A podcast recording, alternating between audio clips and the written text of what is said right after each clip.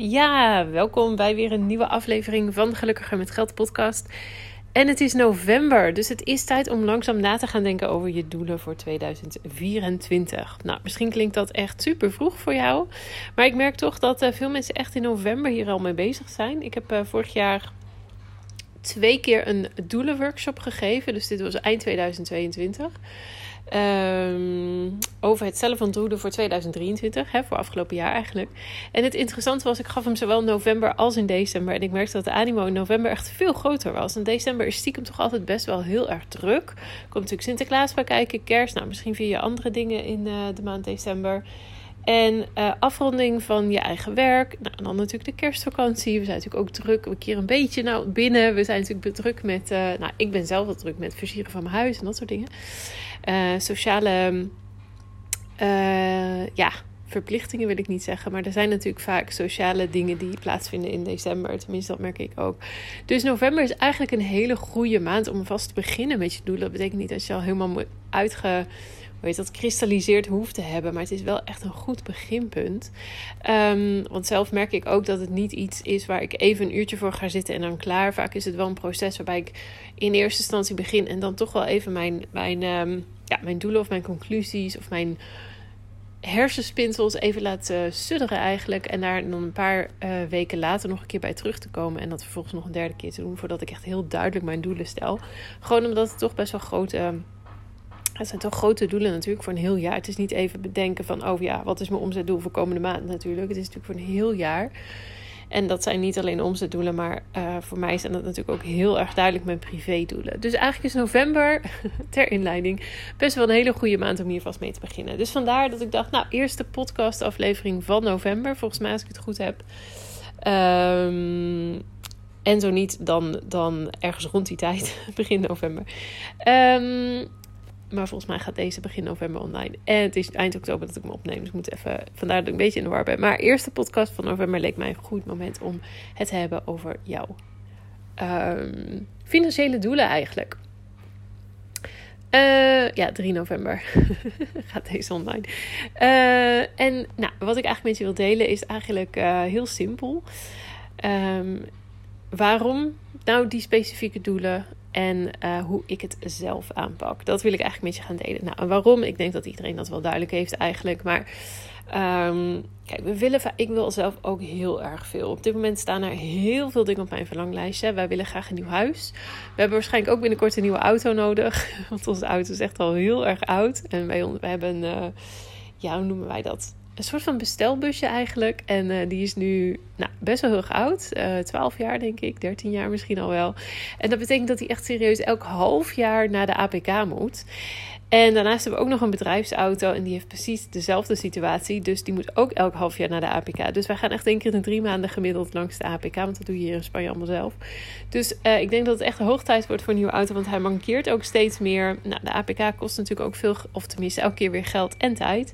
En dan gaan ook de hele tijd dingen ja, die steeds minder goed gaan werken. Nu is de airco uh, kapot. Dat is op zich niet heel erg, want het gaat nu naar de winter toe. Maar... Um, nou, dat is natuurlijk niet heel handig in Zuid-Spanje. Dus ik denk dat er toch wel binnenkort een nieuwe auto aan moet komen. Um, ik wil ook heel graag meer geld komend jaar uitbesteden. Of nee, ter beschikking hebben en besteden aan zelfverzorging. Uh, met name vaker een massage. Dat is voor mij toch echt wel heel erg belangrijk. En ik merk, ja, misschien omdat ik ouder word. Ik weet niet of omdat ik minder goed achter de computer zit. Um, vaker lange dagen achter de computer uh, uh, zit, dat ik uh, nou, wel heel goed ga op een massage eigenlijk. Ik wil ook vaak een weekendje weg. Um, en ik wil ook echt heel graag nog meer vermogen opbouwen in mijn investeringen. Dus op een, op een snellere manier dan wat ik dit jaar heb gedaan. Dus dat zijn zo'n aantal dingen die ik heel graag wil. Maar dat zijn natuurlijk nog geen doelen. Dit zijn echt gewoon vage plannen.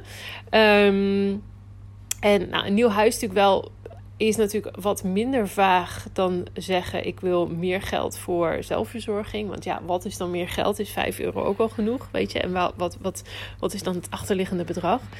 Maar toch is een nieuw huis natuurlijk nog steeds heel erg vaag. Want wanneer wil ik dat dan? Uh, wat mag dat kosten? Wat uh, heb ik daarvoor nodig? Weet je, allemaal dat soort dingen.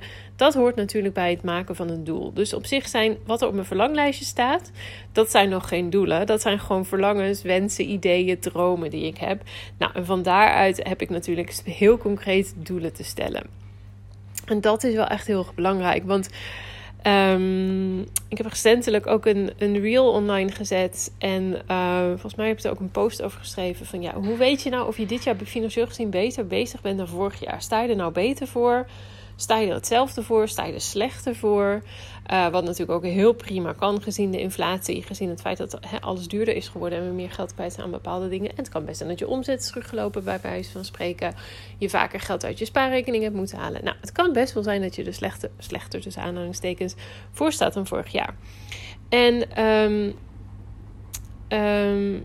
hoe weet je dat nou? Nou, voor een deel is dat natuurlijk door je doelen, duidelijk te hebben.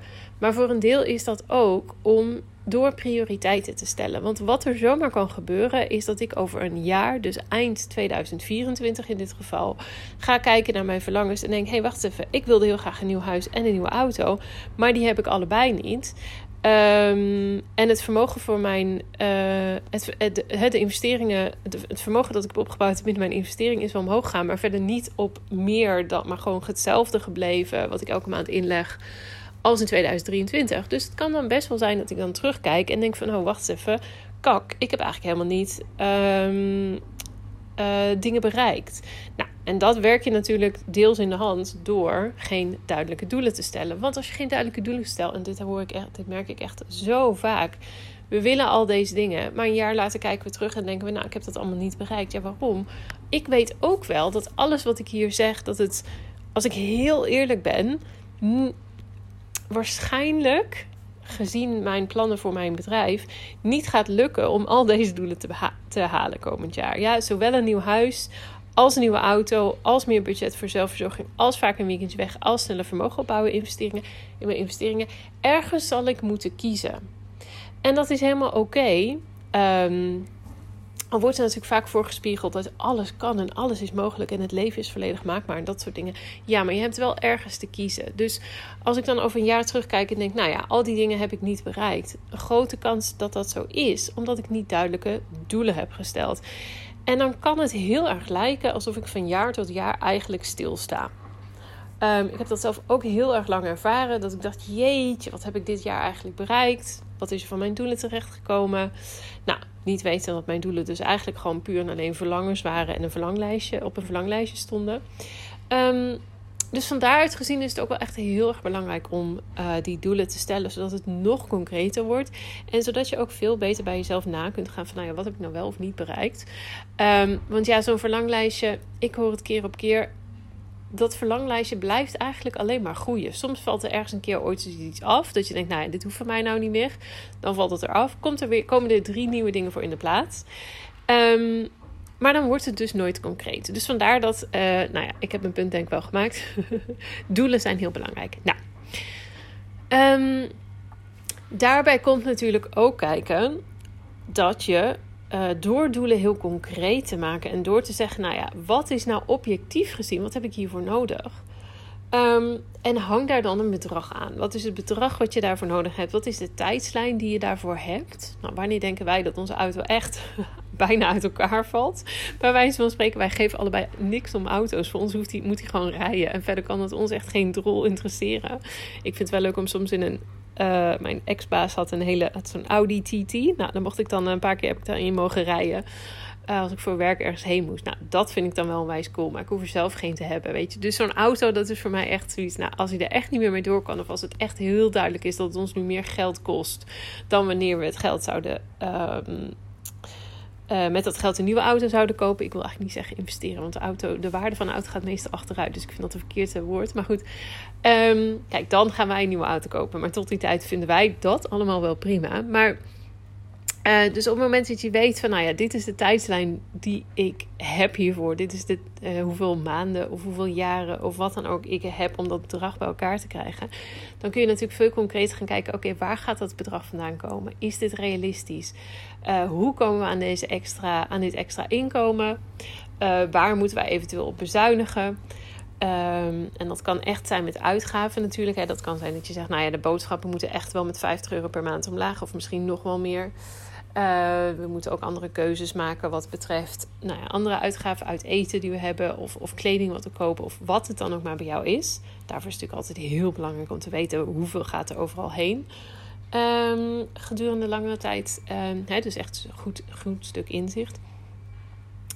Um, en nou ja, door dat heel dus concreet te maken en te kijken, moet ik bezuinigen inderdaad op mijn uitgaven? Of gaan we tussen aanhalingstekens bezuinigen op, ja, ik noem het altijd financiële reserveringen die wij maken. En financiële reserveringen zijn niet direct uitgaven, maar dat is geld dat je op de een of andere manier opzij zet om Um, ofwel vermogen op te bouwen ofwel ergens voor te sparen. Dus stel dat je zegt, nou, ik zet op dit moment 300 euro opzij voor uh, um, uh, een nieuwe, wat uh, een nieuwe, nou ja, niet een nieuwe auto, want dat is mijn voorbeeld. Um, we willen graag over eh, vijf jaar naar, waar willen wij heen? Canada, bij wijze van spreken. Ja, dus daar zetten we 300 euro per maand voor opzij. Nou, dat is een voorbeeld van een financiële reservering. Dus eigenlijk heel simpel gezegd sparen. Een andere financiële reservering kan zijn dat je een schuld versneld aflost. Bijvoorbeeld een studieschuld of je hypotheek. Dat noem ik ook een financiële reservering. Want het is eigenlijk geld dat je op de een of andere manier gebruikt om je vermogen op te bouwen of, hè, of je nettowaarde te vergroten of um, je financiële situatie te verbeteren. Nou, een afbouw van de schuld is dat meestal ook. Um, of het is bijvoorbeeld een financiële reservering omdat je geld opzij zet in een pensioenpot of in, of in of sorry, privé-investeringen. Um, dat soort dingen. Dus alle vormen van sparen, investeren, crypto's wat je aankoopt, eh, NFT's die je hebt, uh, schuld die je aflost. Nou, dat zijn voor mij even allemaal, vallen allemaal onder het kopje financiële reserveringen. Dus als jij besluit, nou ja, um, bezuinigingstechnisch gezien is er niet zo heel veel ruimte, maar we denken, je hebben hier goed over nagedacht. En misschien is het verstandig als we inderdaad even wat minder geld opzij zetten voor die reis naar Canada. Wetende dat het mogelijk een jaartje langer duurt voordat we die reis gaan maken. Of nou, wat dan ook. Dat kan natuurlijk ook. Dus een bezuiniging hoeft niet per se te korten. Uh, bezuiniging hoeft niet per se zo te zijn dat je gaat korten op je maandelijkse uitgaven. Dat kan natuurlijk ook je reserveringen zijn. Maar dat moet allemaal binnen het, hoe heet dat, grotere plaatje passen natuurlijk. En op dat moment kun je natuurlijk gaan kijken van, nou ja, is dit realistisch? Ga ik dit allemaal wel halen? En heel belangrijk, wat betekent dit voor mijn omzetdoel? Dus echt vanuit je persoonlijke doelen gaan kijken. Wat heb ik eigenlijk aan omzet nodig om die doelen te gaan halen? En vaak doen we natuurlijk de verkeerde kant op. En ik spreek ook echt genoeg uh, ondernemers en um, klanten van mij die zeggen: Oh ja, ik heb nu de 1 ton gehaald, ik heb 100.000 omzet.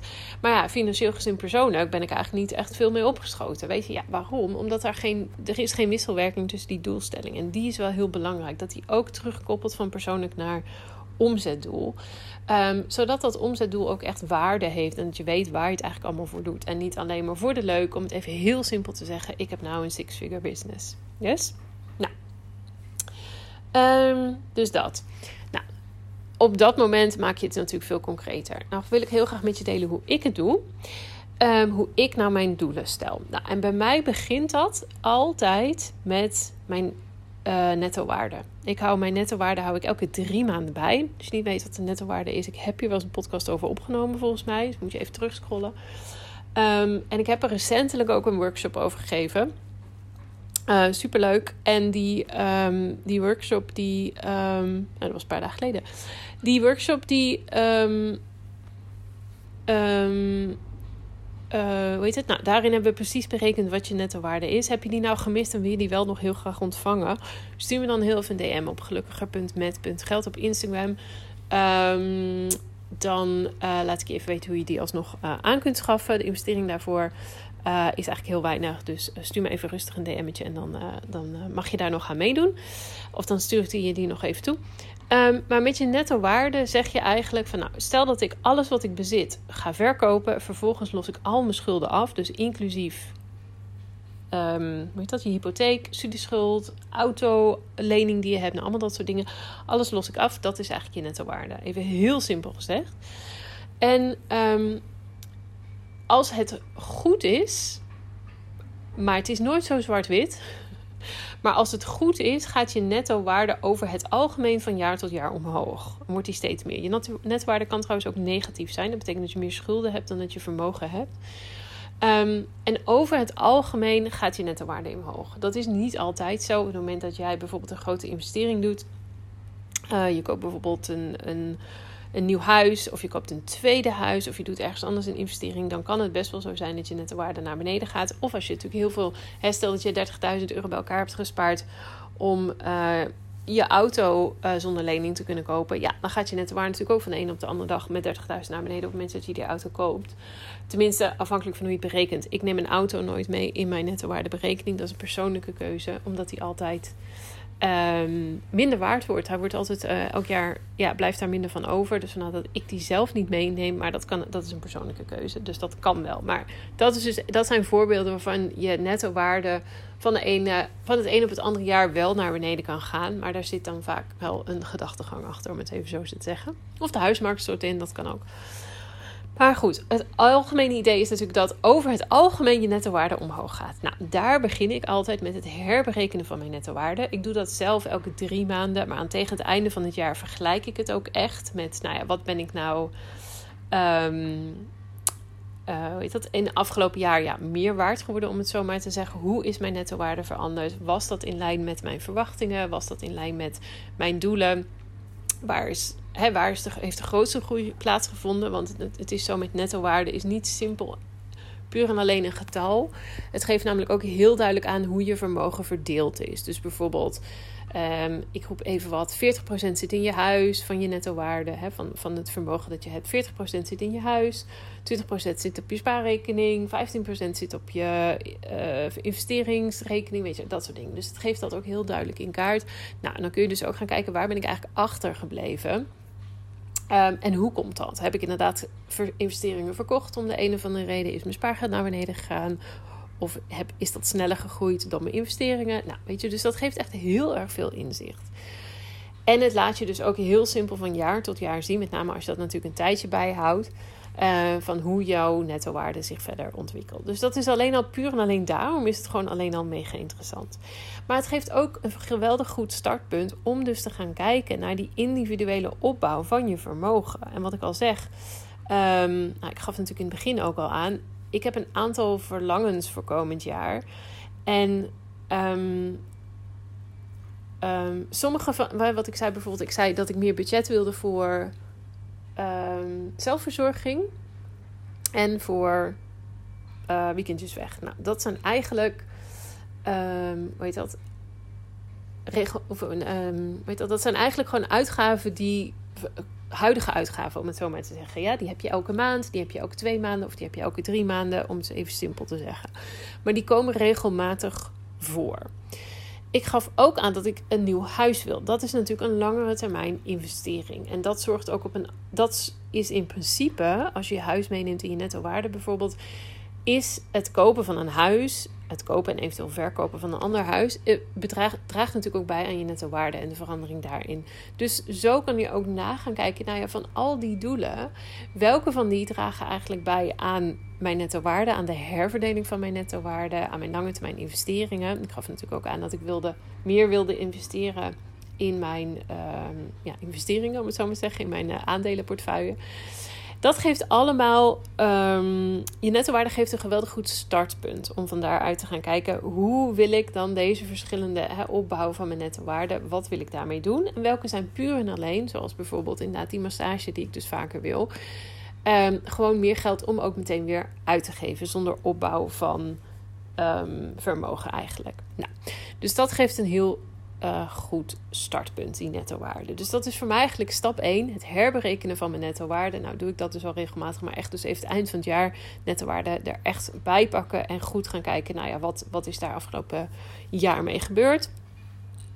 Vervolgens, stap 2 om het zo maar te zeggen, ik werk altijd met 10, 10 geldthema's. En mijn 10 geldthema's, eh, dat zijn verschillende onderdelen van financiën. Want het klinkt altijd zo lekker vaag van, oh ja, ik wil goed worden met geld, of ik wil mijn geld beter leren beheren, of wat dan ook. Ik wil financieel volwassen worden. Nou, allemaal heel vage concepten. Heel erg goed, heel erg tof als je dat denkt, maar het zijn wel hele vage concepten die je verder ook moeilijk kunt um, meten en in de praktijk kunt brengen. Dus ik werk heel graag met 10 geldthema's. En 10 geldthema's, die, die thema's, dat zijn eigenlijk onderdelen van je financiën. En op elk vlak is het zo dat de meeste mensen dingen te leren hebben. Mensen kunnen dingen beter automatiseren. Um, beter in kaart brengen, ehm, verder ontwikkelen, uh, duidelijke doelen bijstellen. Dus het helpt je echt om dat geld, om dat hele stuk van geld concreet te maken. Nou, wat mag je je nou voorstellen bij ehm, die 10 geldthema's? Ik zal je even een aantal geven. Eén onderdeel die natuurlijk heel makkelijk is om je voor te stellen, is het, is het thema sparen. Nou, dat is een heel makkelijk onderdeel. Maar ja, niet heel veel mensen zijn heel goed als het komt, aankomt op sparen. En daar bedoel ik niet alleen mee dat er soms meer geld van de spaarrekening naar de lopende rekening gaat dan andersom. Ik bedoel ook dat heel veel mensen dat eigenlijk niet geautomatiseerd hebben. Of ze hebben nooit heel duidelijk hun spaardoelen in, in kaart gebracht. Dus wat ik net aangaf, hè, hoeveel heb je nodig? Wanneer heb je dat nodig? Wat betekent dat op maandelijkse basis? En wat zijn in totaal al je spaardoelen samen? En als dat totale maandelijkse bedrag dat je opzij te zetten hebt om zowel voor de studie van je kinderen als voor een nieuwe auto, als voor die reis naar Japan, als voor de nieuwe keuken, als voor, nou, noem het maar op. Um, als dat totaalbedrag te groot wordt, te veel is van wat je op dit moment maandelijks kunt inleggen, dan mag je daar prioriteiten stellen. Dus dat meenemen. Vervolgens heb, ik, heb je mij vast ook al vaker horen zeggen: ik ben geen fan van één spaarrekening. Maak er op zijn minst een aantal potjes in aan. Of maak verschillende spaarrekeningen aan. Als dat beter voor je werkt. Maar één spaarrekening, dat is gewoon één hoop geld. Hoe weet jij nou hoeveel van je spaarrekening opzij staat voor de keuken? Hoeveel er is voor de vakantie naar ehm, naar, uh, weet ik het, uh, Italië deze zomer. Hoeveel er opzij zat voor die reis naar, wat zei ik net, Japan geloof ik. Nou, weet je, dus één spaarrekening. Dat zijn allemaal manieren om dat veel beter in te richten. Waardoor spaardoelen veel duidelijker worden. Waardoor je spaargedrag veel efficiënter en effectiever wordt. Weet je, dus, dus dat is zomaar een onderdeel daarvan. Nou, een ander heel duidelijk Um, thema waar ik ook heel veel mee werk is natuurlijk het stukje pensioen. Met name voor ondernemers waar ik mee werk. Um, voor heel veel mensen staat dat pensioen eigenlijk gewoon op, nou ja, um, hoe leg ik dit makkelijk uit? Op een hele lage, uh, is een hele lage prioriteit en daardoor is er ook weinig in, in gang gezet en, en doen veel ondernemers ofwel niets ofwel maar wat, om het zo maar, aan, maar te zeggen, wat betreft hun pensioen. Dus, dus dat is ook een voorbeeld van een thema waarbij er natuurlijk heel veel informatie beschikbaar is. En de zaak is natuurlijk om daar uit te filteren wat jij echt nodig hebt en daar vervolgens een plan mee te maken, zodat jij weet, nou ja, dit is het bedrag wat ik nodig heb voor mijn pensioen. Dus lang verhaal, maar stap 2 voor mij is dus gaan werken met die 10 geldthema's. En binnen al die 10 geldthema's, wat ik vervolgens doe, ik ga echt even brainstormen en zeggen: Nou ja, dit wil ik graag bereiken. Dit zijn voor mij dingen die ik dit jaar um, wil doen binnen deze verschillende thema's. Dus ik verdeel die dan een beetje onder. Het betekent niet dat elk thema per se één of twee of drie doelen moet hebben. Sommige jaren zijn er um, thema's waarbij ik er uh, geen doelen voor heb. En andere thema's hebben dan misschien wel tien doelen uh, daaronder staan. Dat mag. Maar het geeft mij natuurlijk wel ook heel duidelijk aan door het zo onder te verdelen. van, hey, klopt mijn focus wel? Of zit ik echt alleen maar me te richten op het opbouwen van pensioen... terwijl al die andere thema's een beetje worden genegeerd.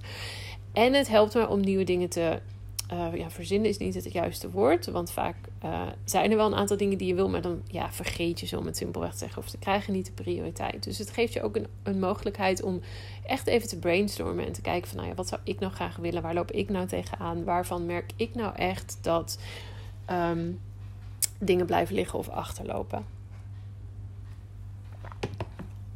Oké, even een slokje water. um, Dus dat is mijn tweede stap, die tien, uh, die tien geldthema's. En daardoor heb ik dus zowel met mijn netto waarde, wat eigenlijk een startpunt geeft, als met mijn tien uh, geldthema's, heb ik dus een heel mooi punt om te zeggen: Nou ja, dit, zijn, dit is mijn huidige situatie. Hier wil ik graag heen. Dit zijn een aantal dingen die ik komend jaar wil gaan bereiken. En dat hoeft niet alleen maar voor één jaar te zijn. Hè. Dat kan natuurlijk ook drie jaar vooruitdenkend zijn, vijf jaar vooruitdenkend zijn, tien jaar vooruitdenkend zijn. Maar laten we het even op één jaar houden. Dat geeft mij een heel mooi startpunt om te bedenken van, nou ja, oké, welke van deze, want geheid, zeker weten, heb je bij die tien geldthema's vaak meer dingen dan dat je, nou wat ik net al zei, eigenlijk uh, wat haalbaar gaat zijn voor een, voor een jaar. En dat is helemaal oké. Vaak schieten we dan in stress, oh my goodness, ik doe het minder goed dan en anderen kunnen dit wel. Maar dat maakt verder ja, weet je, dat, dat iedereen heeft dat. Als je jezelf gaat vergelijken met mensen die wel en een nieuw huis en een nieuwe auto en een verre reis hebben gekocht dit jaar. Zij wilden waarschijnlijk ook tien andere dingen. Dus heel belangrijk om dat echt in perspectief te blijven zien. En op het moment dat je die dus hebt, die, die verschillende dingen, wat ik dan ga doen, dus dat is eigenlijk mijn stap 3 is dat ik die dingen dus heel concreet ga maken. Dus ik ga heel concreet kijken, nou ja, wat zouden wij nodig hebben voor een nieuwe auto? Wat zou um, vaker een massage, ja, wat is dus vaker? Is dat dan één keer in de maand? Is dat in één keer in de, nou ja, zoveel weken? Hoe vaak wil ik dat dan? Wat zou de kosten daarvan zijn? En wat betekent dat nu extra? Want ik doe het nu al, maar stel dat ik het één keer in de zoveel tijd zou doen, wat zou dat dan extra betekenen op maandbasis of op jaarbasis? Dus ik ga dat vervolgens heel concreet maken. Um, hoeveel heb ik ervoor nodig? Over hoeveel tijd heb ik dat nodig? Wat betekent dat, dus op maandbasis? En vervolgens weet ik dus precies, nou ja, als ik hier al deze doelen zou willen bereiken, dan betekent dat dat ik per maand 1000 euro, 2000 euro, uh, eh, 500 euro, nou ja, wat dan ook, per jaar, sorry, per maand extra nodig heb. Nou, dat is dus stap 3, dus dat je het echt heel erg uh, specifiek maakt. Stap 4 is dus de waarheid onder ogen komen en zeggen: Nou ja, 2000 euro per maand, dat gaat mij mogelijk niet lukken dit jaar. Wat is realistisch? Wat denk ik wel te kunnen doen afhankelijk van uh, omzet, uitgaven die veranderen? Nou, wat ik net aan het begin aangaf. Dus echt gaan kijken van: Nou ja, waar gaat mijn geld op dit moment heen? Klopt dat nog? Um, waar mag ik dingen aanpassen? En wat is dus het bedrag wat daarvan overblijft, waarvan ik dus verwacht met een andere omzet, andere uitgaven, dat ik dus per maand te besteden, extra te besteden heb of minder te besteden heb. Dat kan natuurlijk ook dat dat mijn conclusie is. Um, nou, en aan de hand daarvan ga ik dus terugkijken naar die doelen en ga ik prioriteiten stellen. En wat je kunt doen met prioriteiten stellen, je kunt het op twee manieren aanpakken. Um, stel dat ik erachter kom dat ik 2000 euro per maand extra nodig heb. En dan denk ik, nou, dat ga ik niet halen. En ik heb dat nodig omdat ik 10 verschillende doelen heb. Door, je kunt prioriteiten stellen eigenlijk op twee manieren. Je kunt zeggen, nou, een aantal van deze doelen, die. Um, en dan wil ik niet zeggen vallen af, want het is helemaal niet zo dat dingen af moeten vallen, maar die gaan gewoon even op pauze. Daar ga ik nu nog niet mee beginnen. Dus van die 10 blijven er misschien vijf over of zeven of drie, maakt verder niet uit. Maar dus dat ik ook echt heel bewust ga kijken. Zo van, nou ja, oké, weet je, als wij dat nieuwe huis willen, uh, als we dat een prioriteit willen stellen, dan is het voor ons misschien helemaal oké dat we voorlopig nog niet naar Canada gaan. Dus dat mag heel even op pauze. Daar ga ik nu nog niet voor aan de slag. Dus zo ga ik echt kijken van nou, welke zijn nou voor mij echt het allerbelangrijkste. Dat is één manier om prioriteit te stellen. Dus door te zeggen, um, Sommige nog even niet. Sommigen moeten nog even een, een jaartje wachten, twee jaar wachten, wat dan ook, voordat we daarmee gaan beginnen. Een andere optie is dat je gaat kijken naar de tijdslijnen. Dus als je zegt: nee, ik ben niet bereid om ehm, deze doelen uh, ja, voor nu te pauzeren. Ik wil daar nu meteen mee aan de slag de andere prioriteit, de manier om prioriteit te stellen is dan om te kijken naar je tijdslijnen en te zeggen: Nou ja, oké, ik wil ze dus wel per se alle 10. Maar wat dus niet realistisch is, is die 2000 euro. Maar als ik nou die tijdslijnen verder uitbreid, dus in plaats van dat ik zeg ik wil over twee jaar naar Canada, dan mag het misschien over vier jaar of over zes jaar zijn. Daardoor wordt mijn tijdslijn natuurlijk groter en hoef ik minder per maand opzij te zetten op dit moment. Ja, dus waar ik misschien nu 300 euro opzij moet zetten, omdat ik over twee jaar daarheen wil. Als ik zeg, nou ja, over zes jaar is ook goed dan hoeft dat nog maar 100 euro per jaar te zijn. Dus dat scheelt me alweer 200, sorry, 100 euro per maand. Dus dat scheelt me alweer 200 euro per maand. Dus dat is een andere manier om prioriteit te stellen. Door dus inderdaad te zeggen, nou ja, ik wil al die dingen, ik wil daar per se mee beginnen. Ik wil met al die doelen aan de slag. Maar de tijdsprioriteit wordt anders. Dus het wordt niet over twee jaar, maar het wordt over iets langere tijd. En zo kun je dus een beetje gaan spelen en puzzelen met, nou ja, hoeveel geld heb ik nou, denk ik nou te hebben en welke aanpassingen moet ik maken. En, um, dat is eigenlijk mijn manier om, um, om mijn doelen voor het komende jaar te bepalen. Ik heb dan nog een, en volgens mij zijn we nu op stap 5. Volgens mij wel. Nou, ik ben even de tel kwijt. Maar volgens mij stap 5. Maar elk geval de laatste stap. Ik maak dat vervolgens dan ook echt heel visueel. En wat ik doe, is dat ik herinneringen instel. Dus ik automatiseer op dat moment. Dus ik zeg, nou ja, vanaf nu moet er 100 euro naar dat potje, 200 euro moet daarheen, et cetera, et cetera. En ik maak ook heel visueel hoe mijn voortgang. Dus nou ja, ik hang het liefst echt een blaadje op mijn kastdeur op mijn uh, kantoor. Waarbij ik dus zeg, nou ja, het doel voor dit jaar voor, uh, weet ik veel, die reis als voorbeeld is 2000 euro sparen. Dus gedeeld door 12, dat is zoveel per maand.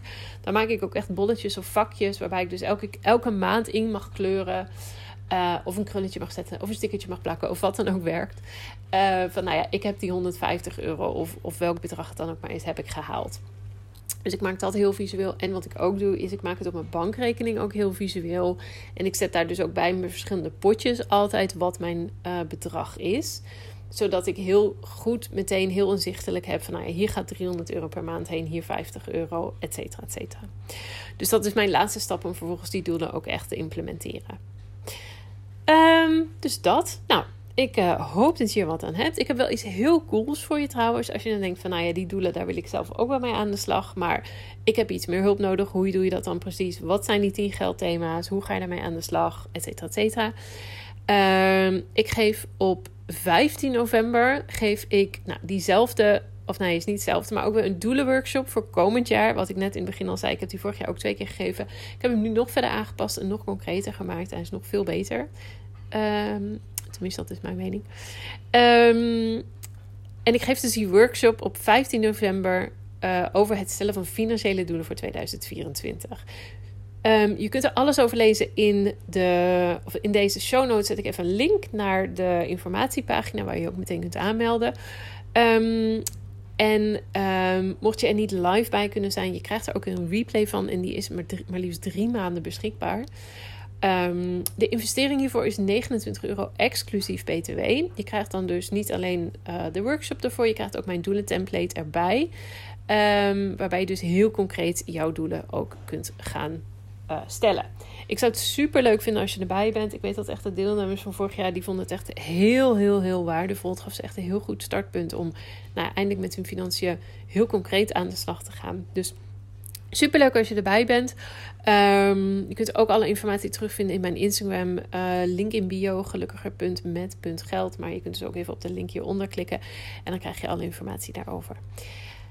Ik uh, ben heel benieuwd naar jouw doelen voor 2024. Mocht je die al hebben, laat ze gerust even. Ja, deel ze met me. Vind ik altijd leuk om te weten. En uh, dan wil ik je oprecht bedanken voor het luisteren naar deze aflevering. En wens ik je een hele mooie rest van de dag toe. En hopelijk tot de volgende. Doei! Dankjewel weer voor het luisteren naar deze aflevering van de Gelukkiger met Geld podcast. Ik hoop dat je er heel veel waarde uit hebt kunnen halen. En ik zou het dan ook super leuk vinden als je deze aflevering kunt delen op Instagram. Op die manier kunnen anderen de podcast makkelijker vinden en bovendien help je mij om deze show te laten groeien. Daarnaast vind ik het ook gewoon super gaaf om te zien wie deze podcast luistert en wat je eruit hebt kunnen halen. Dus deel hem op Instagram en taak mij dan met gelukkiger.met.geld. En ik ben er volgende keer weer met een nieuwe aflevering. Ik hoop jij ook. Tot dan!